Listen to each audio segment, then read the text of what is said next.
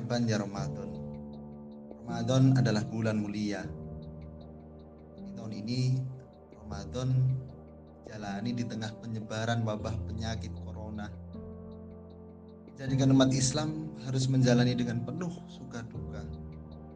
Tidak seperti biasanya, berat Ramadan yang semestinya dijalani untuk meningkatkan ketakwaan dengan penuh keramaian, dengan penuh riuh rentah harus dijalani dengan kondisi serba sulit dan penuh kekhawatiran.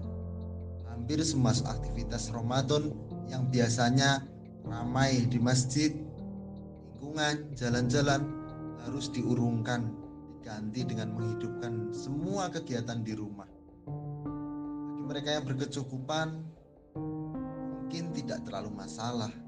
Lalu bagaimana kabar saudara kita yang masih ditimpa kesulitan dan?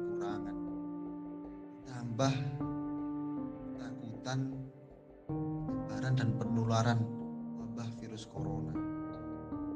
Inilah saatnya, mulai dari diri kita, kita buka kepedulian, ketakwaan tidak berhenti untuk individu saja. Ketakwaan harus diterapkan dalam kehidupan sosial. Ramadan mengajarkan bagaimana kita ikut merasakan mereka yang lemah kita ikut merasakan orang-orang yang serba kekurangan, bukan untuk berlomba saling nyombong dan kecongkakan. Inilah saatnya kita peduli. Kalau mampu dengan tangan kita atau kekuasaan kita, kalau tidak bisa dengan lisan kita untuk saling menasihati atau saling mengingatkan. Walaupun tidak mampu, dengan hati kita untuk selalu senantiasa mendoakan marhaban ya Ramadan.